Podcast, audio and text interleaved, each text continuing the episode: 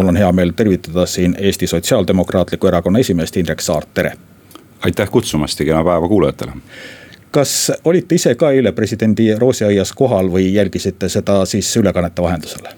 olin kohal, püüan seda traditsiooni hoida, et kui mind vähegi kutsutakse, siis äh, alati sellel olulisel päeval äh, lähen ka roosiaeda selle jaoks, et kohtuda nende inimestega, kes kas igapäevaselt või, või ajaloos on andnud oma väga olulise panuse selle jaoks, et Eesti saaks olla vaba riik ja et, et Eesti sai suutis taastada oma, oma iseseisvuse. kas need küsimused, mida president ja siis kultuuriinimeste nimel sõna võtnud Svetlana Grigorjeva esile tõstsid, on teie arvates praegu väga aktuaalsed Eestis? jah, et see arutelu on ju äh, käivitunud kõigepealt ikka, kõigepealt äh, e-, esimene küsimus on, et kas see emotsioon on õige, et kas pidupäeval nii suhteliselt murelikku ja kriitilist kõnet, nii nagu presidendi kõne ja ka Sveta Grigorjeva kõne oli, et kas see on sobilik eh, pidada. Eh, aga minu arust ei saa pidupäeval teha nägu, et ele-, kui elevant on toas, et siis teha nägu, et seda elevanti toas ei ole ja, ja sellest ka presidendi ja Sveta Grigorjeva kõne ju tegelikult rääkisid, et. Eh, et me võime küll ühelt poolt ja me kindlasti peamegi rõõmustama selle üle. et me oleme täna jõudnud olukorda, kus meil on juba peaaegu kolmkümmend aastat Äh, iseseisev äh, riik. Äh, ja, ja see teeb kindlasti meile kõigile väga head meelt, meil on juba mitu põlvkonda tegelikult, kes on sündinud ja kasvavad vabas riigis.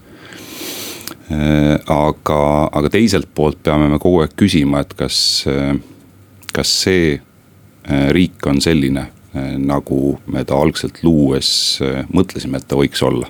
et kas need vabadused Äh, on ikkagi igapäevaselt piisavalt kaitstud, millest meie põhiseadus räägib ja mis on meie põhiseaduse mõte. ja, ja mis on meie kõigi, kõigi roll selles, et, et see riik oleks nii sisuliselt kui ka näiliselt vaba riik kas teie hinnangul on praegu need vabadused kõik kaitstud ja kas sisuliselt ja näiliselt on Eesti Vabariik? no siin tuleb eritada, eristada nüüd kahte tasandit, et ühelt poolt, kui me võtame äh, seadusandliku tasandi, siis jah, meie seadusandlus üldjoontes äh, tagab selle, et meil on demokraatlik riik, toimuvad äh, vabad ja ausad valimised. et inimõigused üldjoontes on kaitstud. Aga nii president kui Grigorjeva juhtisid tähelepanu sellele, et on teatavad tendentsid ühiskonnas ja neid tendentse eriti värvikalt kirjeldab meil iganädalane valitsuse pressikonverents äh, ja muud kohad, kus valitsusliidu esindajad äh, sõna võtavad või enda plaanidest või hoiakutest äh, teada annavad. ja, ja need on paraku tendentsid, mille suhtes tuleb olla väga valvas ja millega ei, ei tohi leppida, kui me tahame, et inimeste põhiõigused oleksid ka tulevikus kaitstud ja me saaksime öelda, et meie riik tõepoolest on ka sisuliselt vaba. Samas ei ole see vastuolu erakondade vahel ja nii-öelda opositsiooni ja koalitsiooni suhted ei ole midagi uut, sellised nii-öelda teineteise möödalaskmistele tähelepanu juhtimised opositsiooni poolt on ju täiesti tavalised, need on kogu olnud, aeg olnud. ja mul tuli meelde üks juhus aastast kaks tuhat üks. see oli siis, kui president Lennart Meri andis Kadrioru kunstimuuseumi ruumides üle vabariigi aastapäeva puhul teenete märke. ja seal oli, istus üks mees, kelle nimi oli Eduard Leetna, Mart Laari ja Edgar Savisaare vahel. ja ilmselt ei olnud see kavas kokku lepitud, ta palus pärast sõna ja kirjutasin välja nüüd, mida ta ütles. ma istusin täna koos Mart Laari ja Edgar Savisaarega ja ma tahaksin, et meie rahvas oskaks valida õige tee, et omavahelised lahkhelid kustuksid ja et me võiksime teha nii nagu Arkaadia riigis. Nad oskasid elada nii, et neil ei olnud tülisid ega vaenu üksteise vahel nii et juba üheksateist aastat tagasi täpselt samasisulised avaldused. kas praegu on teie hinnangul Eesti rohkem lõhki, kui on olnud varem? paraku äh, tuleb vastata sellele küsimusele jaatavalt. Äh, ja loomulikult, ega Eesti arengus, taasiseseisvunud Eestis on olnud väga erinevaid etappe, väga erinevaid ühiskondlikke situatsioone. ja, ja eks sellega ju peabki riigi tasandil eelkõige tegelema, et seda äh, tasakaalu ja ühisosa maksimaalselt leida, nii nagu ka juba aastal kaks tuhat üks. sellepärast muretseti, ilmselt muretseti ka üheksakümne viiendal, üheksakümne seitsmendal ja, ja võib kõiki aastanumbreid äh, sellest ajast ilmselt lugeda äh,. see ongi äh, valitsuse ja, ja poliitikute roll, et otsida seda ühisosa. mida me näeme tänase valitsusliidu puhul, eriti ühe partneri puhul, kes seal valitsuses tooni annab, on pidev konfliktide otsimine ja see on nüüd vastupidine sellele, mida me äh, varasemast näeme, sellises mahus, äh, sellise süsteemsusega äh, erinevate ühiskonnagruppide vastandamine ja nende demoniseerimine. ei ole kunagi Eesti valitsuse tasandil toimunud ja see on see, mille pärast muretseti ka eile Roosiaias ma ei tea, kas mul on natukene võib-olla pinnapealne mulje jäänud, aga tundub, et üks asi, milles viimasel ajal koalitsioon ja opositsioon on ühel meelel olnud, on see, mis puudutab Euroopa Liidu toetusmeetmeid koroonakriisi mõjude leevendamiseks. ja teine asi on see, mis puudutab Valgevenet, on see nii? ja kui tagantpoolt ettepoole tulema hakata, siis, siis tõepoolest, mul on selle üle hea meel, et, et riigikogu praegu valmistab ette erakorralist Äh, istungjärku selle jaoks, et Valgevene teemal ka avaldus teha ja, ja. ja väliskomisjon äh, sel nädalal seda arutades äh, oli konsensusel, et, et selline avaldus on vajalik ja riigikogu täiendavalt peaks kogunema lisaks komisjonidele, kes, kes on juba kogunenud noh, kuigi nii nagu ikka, riigikogus on erinevaid vaateid ja, ja, ja me oleme kuulnud ka riigikogu liikmete poolt äh, toetusavaldust tegelikult äh, sellele, millega tegeleb tänane äh, mittelegitiimne äh, president ehk siis Lukašenka. Ja, ja noh, need on muidugi sellised küsitavad hetked, et, et kui me ikkagi räägime sellest, et me igal juhul peaksime toetama äh, seda, et Valgevene inimestel on enesemääramise õigus, nendel on õigus vabadeks ja ausateks eh, valimisteks, siis õigustada ühel, ühelgi juhul ei ole võimalik õigustada Lukašenka režiimi tänast käitumist, eh, mis lisaks sellele, et et opositsiooni on süsteemselt maha surutud, valimisi on väga jõuliselt võltsitud. lisaks sellele on läinud jõuga Äh, oma inimeste vastu ja, ja rikub äh, nende inimõigusi, äh, represseerib, piinamised on tõestatud ja nii edasi. et paraku, paraku ka seal ikkagi on olnud arvamusi, mis, mis panevad veidi, teevad murelikuks või, või, või panevad nii-öelda kulmu, kulmu kerkima, et, et kuidas võib nendest asjadest niipidi aru saada aga mis puudutab nüüd neid äh, koroonameetmeid, siis, äh, äh, siis see kuhu need nüüd Euroopa Liidu vahendid tegelikult kulutakse, see arutelu seisab alles ees. Ja ma ei ole nüüd nii väga veendunud, et see oleks sulnis üksmeel, mis ilmtingimata poliitikute tasandil valitseb, sest kui me räägime nende Euroopa Komisjoni poolt otsustatud Äh, koroonameetmete eesmärki, siis seal üks väga oluline eesmärk on see, et me ei unustaks ära. et nii suurte täiendavate vahendite kasutamise puhul me peame neid äh, investeerima äh, nendesse valdkondadesse, kus me näeme, et, et on vaja kriitilised muudatused saavutada lähiaastatel, ehk siis see on rohepööre, see on digipööre. et tagada meie keskkonna säilimine ja tagada see, et Euroopa on majanduslikult konkurentsivõimeline ja, ja edukas ja noh, kui me räägime näiteks rohepöördest, siis, äh, siis kõik valitsuse senised tegevused, äh, suuremahulised investeeringud on jäänud ju risti vastupidises suunas, ehk siis eelmise sajandi tehnoloogiatesse ja, ja fossiilkütuste äh, täiendavasse tootmisesse.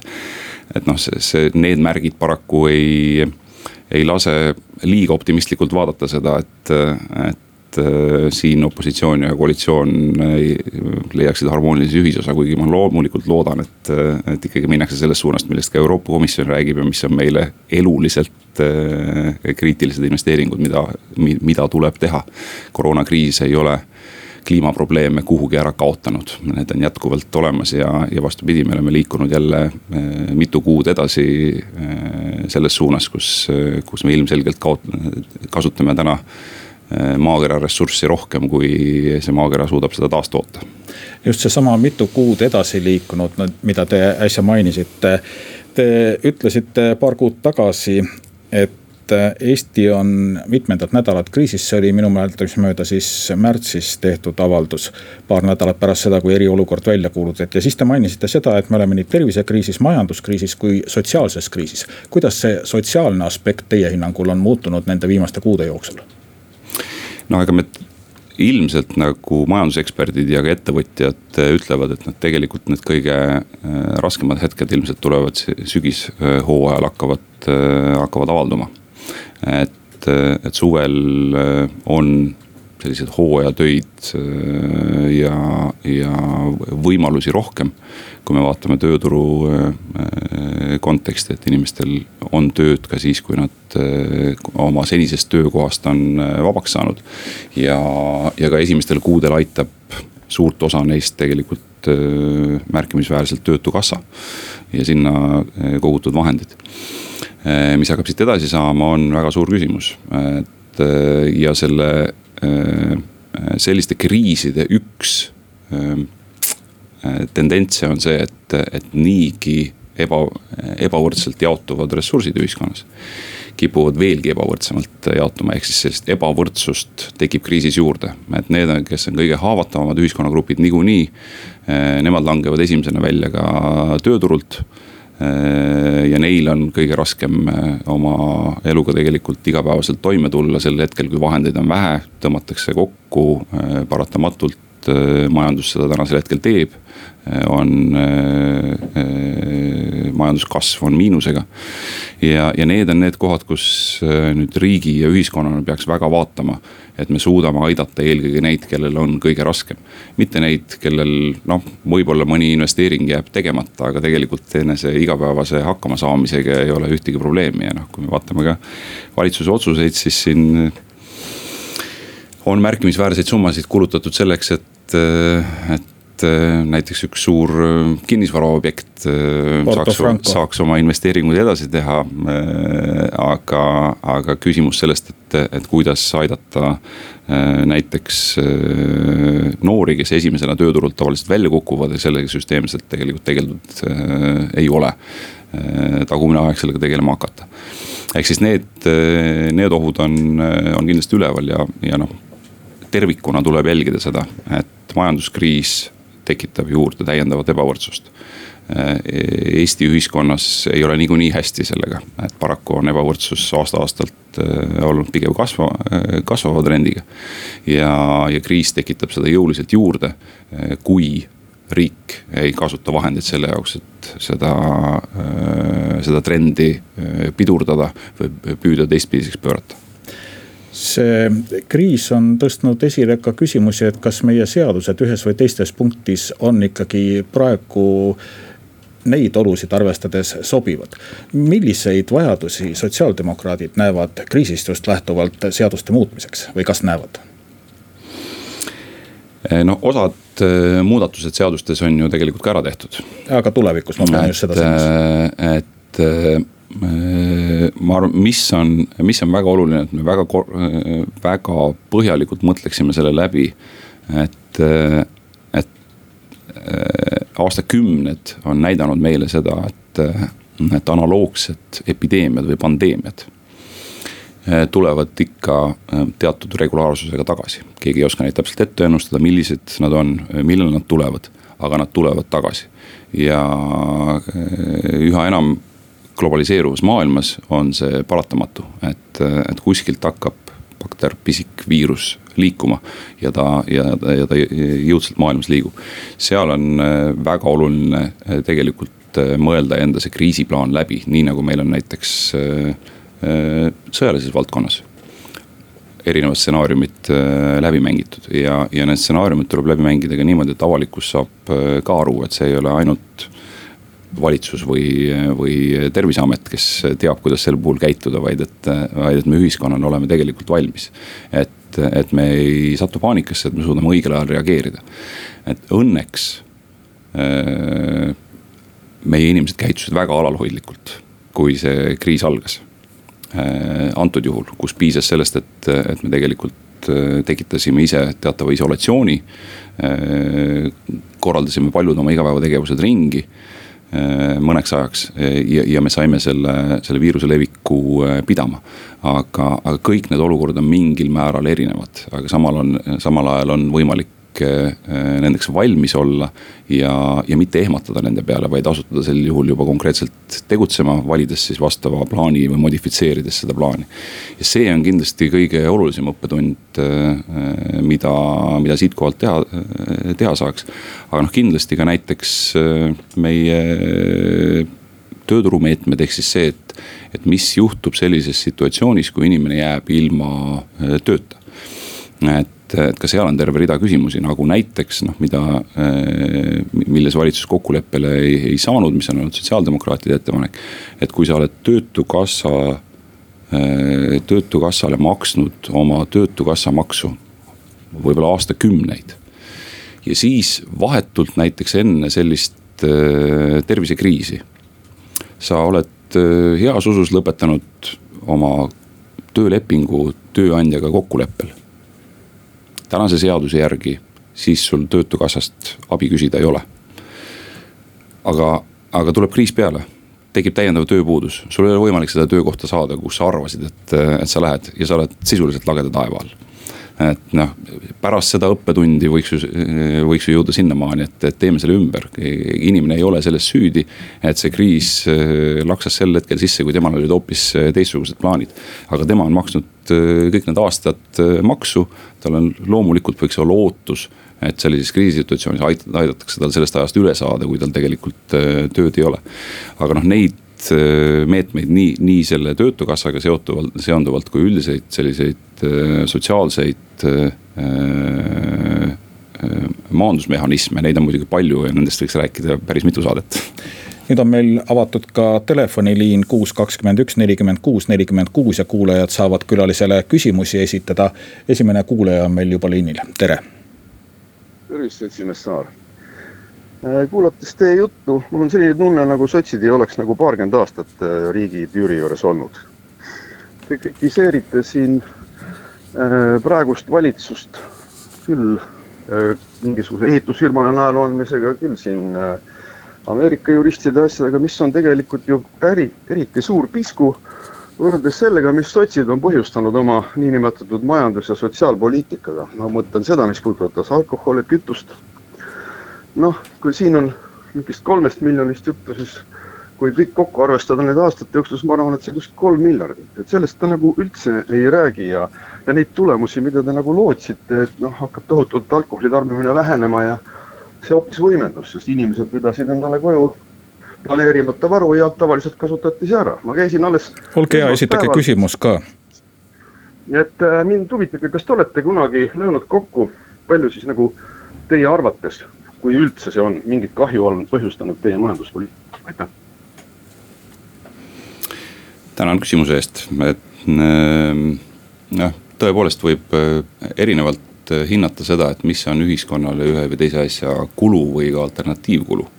et kui me räägime äh, alkoholikahjudest, siis me näeme, et, et nüüd, kus alkoholiaktsiisi on olulisel määral alandatud ja alkohol on suhteliselt muutunud inimeste jaoks palju kättesaadavamaks siis sellega seotud tervisekahjud ja ka, ja ka õnnetussurmad, mis on tingitud alkoholi tarvitamisest, on hüppeliselt tõusnud.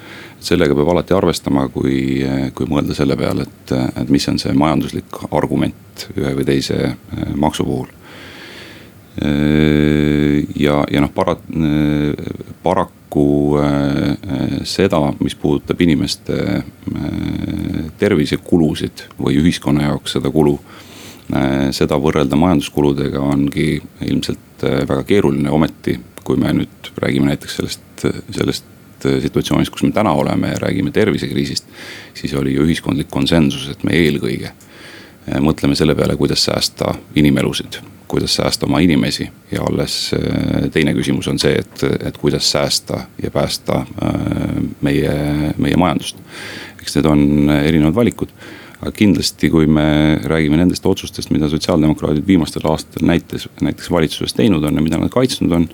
siis, äh, siis näiteks palgavaesus oluliselt Eestis vähenes tänu sellele, et, et tulumaksuvaba miinimum kolmekordistus, mis oli üks eelmise valitsuse otsuseid. või siis läbi aastate tehtud otsused, mis puudutab lastega perede toetamist, tänu sellele on vaesusest välja saanud Eestis üle kahekümne tuhande lapse ja ma arvan, et see on tulevikus väga suur Äh, pluss ühiskonna jaoks tervikuna, sest need lapsed on selle võrra tervemad, edukamad, õnnelikumad ja, ja selle võrra ka meie majandus areneb paremini. mida on tõestanud ju kõik Skandinaavia riigid, et, et kui sa lood võrdsemaid võimalusi, siis sa oled ka majanduslikult edukam. anname sõna järgmisele küsijale, tere. tere äh,, Eesti Vabariigi presidendi Kersti Kaljulaidi suhtumist vägivalda iseloomustab väga hästi see, et seal Roosiaias on peaaegu alati olnud külaliseks äh, oma naisalluva kallal vägivallatsenud teatrijuht Tiit Ojasoo. tõsi, see aasta vist teda ei olnud. minu küsimus on teile see, selline, et kas teie olite see kultuuriminister, kes äh, oma naisalluva kallal vägivallatsenud teatrijuhile tegi ettepaneku anda Valge Tähe orden. Kas äh, on normaalne, et naisepeksja kannab Valge Tähe ordenit, aitäh! Tänan küsimuse eest. Äh,. Äh, mitte mingil kujul ei ole vägivald äh, ühiskonnas tolereeritav. Ja, ja ma olen väga tänulik sellel äh,, selle eest äh, Eesti Vabariigi presidendile Kersti Kaljulaidile, et ta on seda teemat äh, järjepidevalt äh, tõstatanud, meil on ühiskonnas väga palju veel õppida ja teha selle jaoks, et, et see tihtipeale peidetud vägivalla vorm tuleks rohkem päevavalgele, et me oskaksime sellega targemini käituda.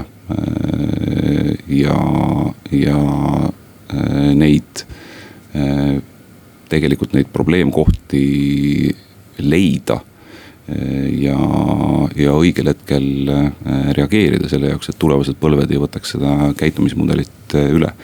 aga mis puudutab nüüd seda, et kas mina tegin ettepaneku, ei, ma ei ole teinud sellist ettepanekut Tiit Ojasoole Valge Tähe äh, äh, ordenit anda. küll aga otsustas NO teatri nõukogu Tiit Ojasooga pärast selle juhtumi avalikuks tulekut ja see oli tõepoolest minu ajal. Tiit Ojasooga teatrijuhi lepingu lõpetada. ja kuulame järgmist küsijat, sõna on teil. tervist, kas on sihuke asi võimalik, et EKRE-t võimult kõrvaldada, ma arvan, need on need need ei ole õiged inimesed seal. eks see sõltub äh, eelkõige mm, sellest, kuidas me ühiskonnana ja valijatena ja kodanikena käitume, et äh, ma olen teiega väga nõus. Äh, see, et meil on valitsuses erakond, kes, kes evib väga mitmetes asjades äärmuslikke seisukohti see kindlasti ei ole meie riigile ja ühiskonnale äh, kasulik. Äh, annan omalt poolt opositsiooni esindajana kõik, et pakkuda sellele alternatiivi ja, ja loodan, et äh, see valitsus ei kesta kaua. hetkel meil küsijat ei ole siinkohal tuletan meelde veel meie telefoninumbri kuus, kakskümmend üks, nelikümmend kuus, nelikümmend kuus. ja saate sellele numbrile siis helistada, et esitada küsimusi meil täna stuudios olevale külalisele, Sotsiaaldemokraatliku Erakonna juhile Indrek Saarele. aga viimastel päevadel, õigemini üks nädal umbes tagasi oli jutuks see, et ukrainlasi saadeti Eestist välja, pean silmas neid, kes olid tulnud siia põllumehi abistama töödele. ja see küsimus oli ka eile presidendi kõnes tegelikult ju Liidu sees. kas te siin näete vajadust seaduse muutmiseks, sest praegu on nii, et välismaalaste seaduse kohaselt saab välismaalast välja saata politsei oma otsusele. siis, kui sellega ei olda rahul, siis kõigepealt vaatab politsei uuesti otsuse läbi ja seejärel kui ka sellega ei olda rahul, siis peaks otsuse tegema siseminister, kes on teatavasti poliitiline isik. kas me sellega ei kaldu mitte politseiriiki, kas siin oleks vaja seadusemuudatust kuidagi? Jah, seadusemuudatust alati selliste õppetundide pealt võiks ka kaaluda, kaaluda, aga tuletame meelde, kust see probleem alguse sai ja kuidas see probleem tekkis. mitte, mitte seadusest tulenevalt, vaid sellest tulenevalt, et äh, tänasele valitsusele ise loomulikult äh, tekitatakse ise probleem. siis äh, leitakse mingi hädapärane lahendus väga viimasel hetkel ja, ja tekitatakse sellega hulka uusi probleeme. seda, et meil tekib mure hooajatöölistega seda räägiti mitu kuud eelkõige siis põllumajandussektori äh, poole pealt. sellele juhtisid korduvalt äh, tähelepanu ka sotsiaaldemokraadid, Ivari Padar on siin väga palju sellel, sellel teemal tööd teinud ja, ja, ja püüdnud valitsust mõistusele kutsuda. üks tema viimaseid avaldusi oli just selline, et valitsus kiusab põllumehi ja paraku äh, on raske seda kuidagi muud moodi äh, nimetada, kui, äh, kui kiusuks. kui me vaatame seda, et maasikakasvatajad ei olnud rahul valitsuse poliitikaga, siis selle peale rahandusminister ja tänaseks ühe erakonna esimees teatas, et, et ta saadab neile maksuameti kaela. ja, ja nüüd, kus siis valitsuse tegevusetusest tulenevalt viimasel hetkel anti see võimalus hooajatöölisi Eestisse täiendavalt tuua viimasel hetkel eh, komplekteeriti see, valitsus siin abi ei pakkunud, seda pidi eh, sektor ise tegema. Eh, ja siis tekitati sellega probleem, sest tegelikult ei oldud valmis, et, et selles, et, et üle minna nii, et ei tekiks neid, neid probleeme, kus kus tõlgendata, tekib selline seaduse tõlgendamine kuskil piiri peal. selle asemel, et oleks rahulikult lasknud pikendada neid töölube nendel inimestel, kes on siin kellega ei ole terviseriski, keda ei pea täiendavalt kontrollima. kelle, kelle tervislik seisund on selles mõttes olnud äh, kogu aeg stabiilne, samamoodi nagu Eesti üldine äh, seisund ja ei ole mingit äh, eristavaid näitajaid või siis ka, kui me räägime nendest nii-öelda uutest, siis kui see oleks varakult tehtud olnud otsus, mitte, mitte keset suve opositsiooni survel ja valdkonna survel loomulikult, siis oleks saanud ka need asjad läbi mõelda, kuidas need inimesed tulevad, kas nad saavad ennem olla täiendavalt karantiinis Ukrainas. kuidas tagada see, et nad saaksid täpselt aru, mida nad tohivad teha, mida nad ei tohi teha. kuidas tagada see, et äh, ka politsei ja terviseamet äh, lepivad juba varakult kokku, kuidas siis seadust tõlgendatakse, et kas. nii nagu president ütles, et kas see, kui, kui Ukrainast tulnud hooajatööline remondib oma eluaset et kas, kas see on piisav selle jaoks, et öelda, et ta on rikkunud äh, neid kohustusi, mis tal Eestisse tulles on? anname siin sõna ühele küsijale ja siis teeme väikese pausi. Tere. tere päevast, sotsdemmid on võtnud väga üle endale Reformierakonna laulu, sest ühise pingi peal nad istuvad, aga minu küsimus oleks, et kas ühiskond on nüüd ammu juba valmis selleks, et eutanaasia teemat arendada? Ja minu arvates peaks olema väga sotsdemmide teema. Kas neil on olnud sellel teemal ka arutelu kuskil mingil tasandil, aitäh. Ja meil on olnud need äh, arutelud erakonnasiseselt ja erinevate äh, sihtrühmadega, et meie sotsiaalvaldkonna inimesed, äh, meie sotsiaalkomisjoni liige Helmen Kütt näiteks on selle teemaga juba mõnda aega tegelenud, neid arutelusid pidanud nii erakonnas kui, kui, kui laiemalt. Ja kindlasti on see üks teema, mis tuleb ühiskonnas äh, lähimal ajal läbi rääkida ja rääkida sellest, et, et, et mis on see äh, otsus, mille ma saan ise teha. ja, ja mis hetkel on seda kõige targem teha, et, et ei juhtuks nii, et, et ma sel hetkel, kui, kui ma olen enda arvates lootusetus seisus. et sel hetkel on meditsiin kohustatud Äh, hoidma, hoidma elus minu keha.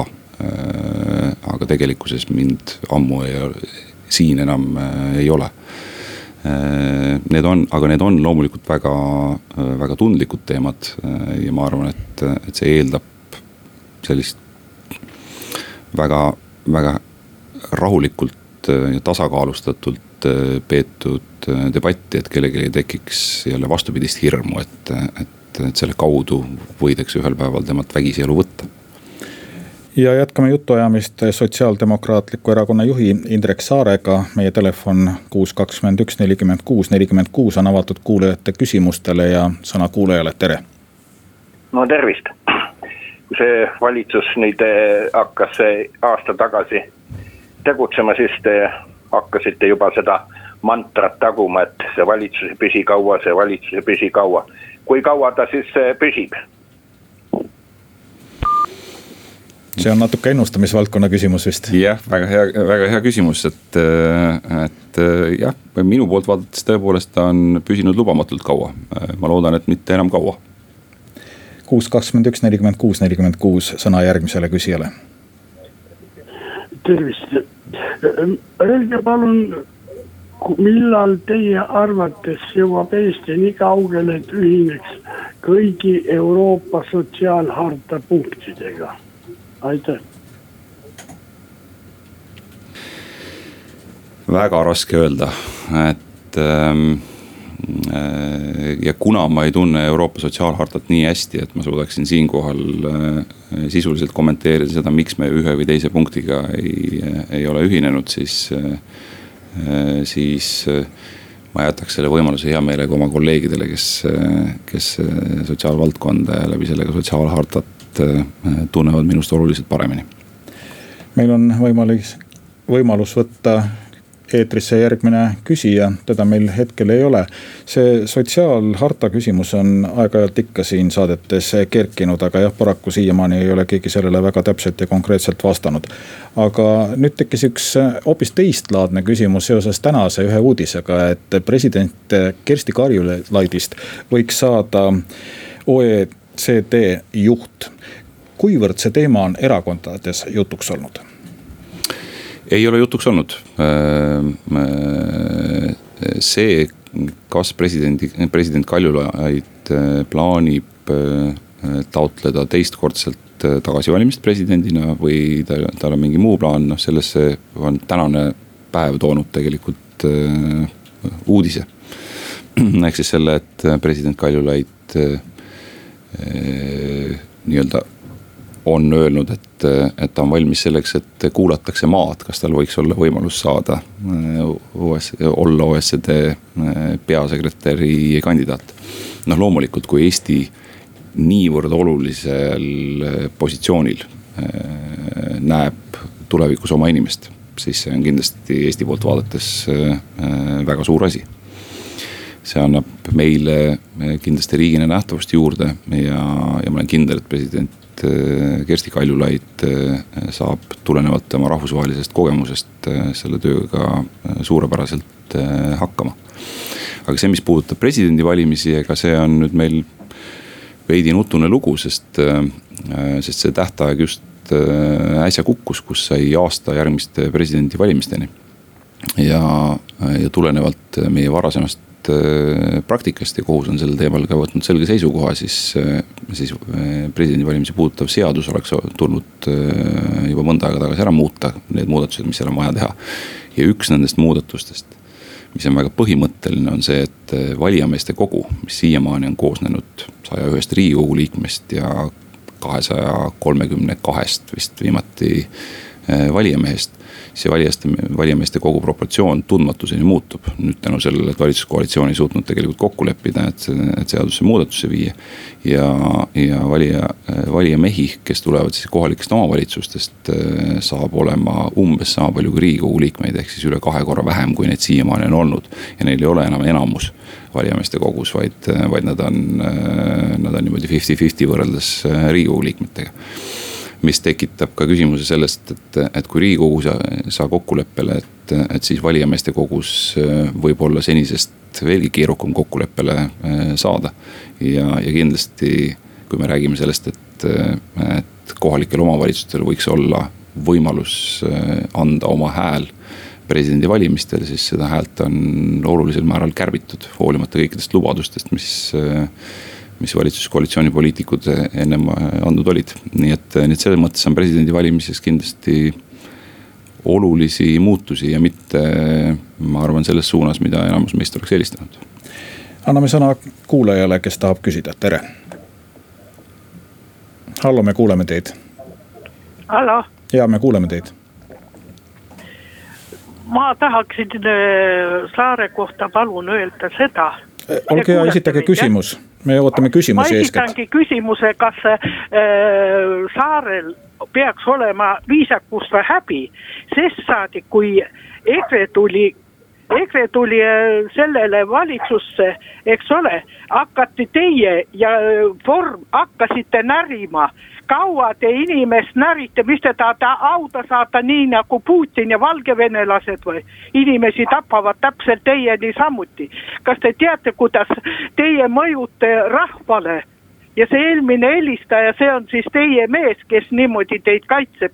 mina ja üks, mis asi veel, kuulake nüüd hoolega see, mis EKRE tegi välismaalastega, meil on nii palju loodereid, nii palju riigi raha raiskajaid, et ei viitsi tööle minna, ei viitsi maasikat korjata, ei viitsi lehmi lüpsa. kust see söök tuleb? Nemad võtavad riigi käest raha, maksumaksja raha raiskavad. aga see raiskamine, kas häbi ei ole? ja teie kaitsete niisuguseid, kes riigi raha raiskavad mina maksan ka makse. ma maksan selleks makse, et inimesed elavad, aga mitte looderitele. ja teie olete nende poolt.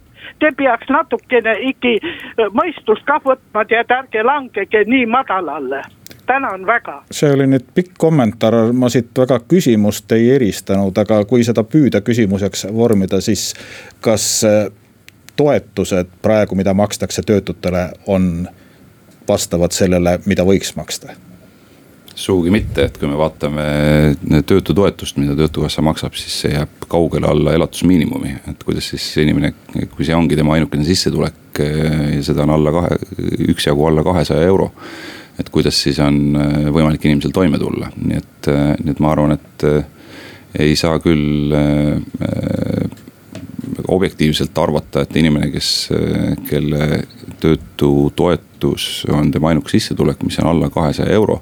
et tal ei oleks motivatsiooni minna tööle ja saada miinimumpalkagi vähemasti, mis on eh, kolm korda eh, kõrgem ja eks nendest, neid nüansse on palju, eh, millest selles kontekstis võiks rääkida, ennem me ka seda teemat ju tegelikult puudutasime, mis puudutab töötukassa hüvitisi ja, ja toetusi aga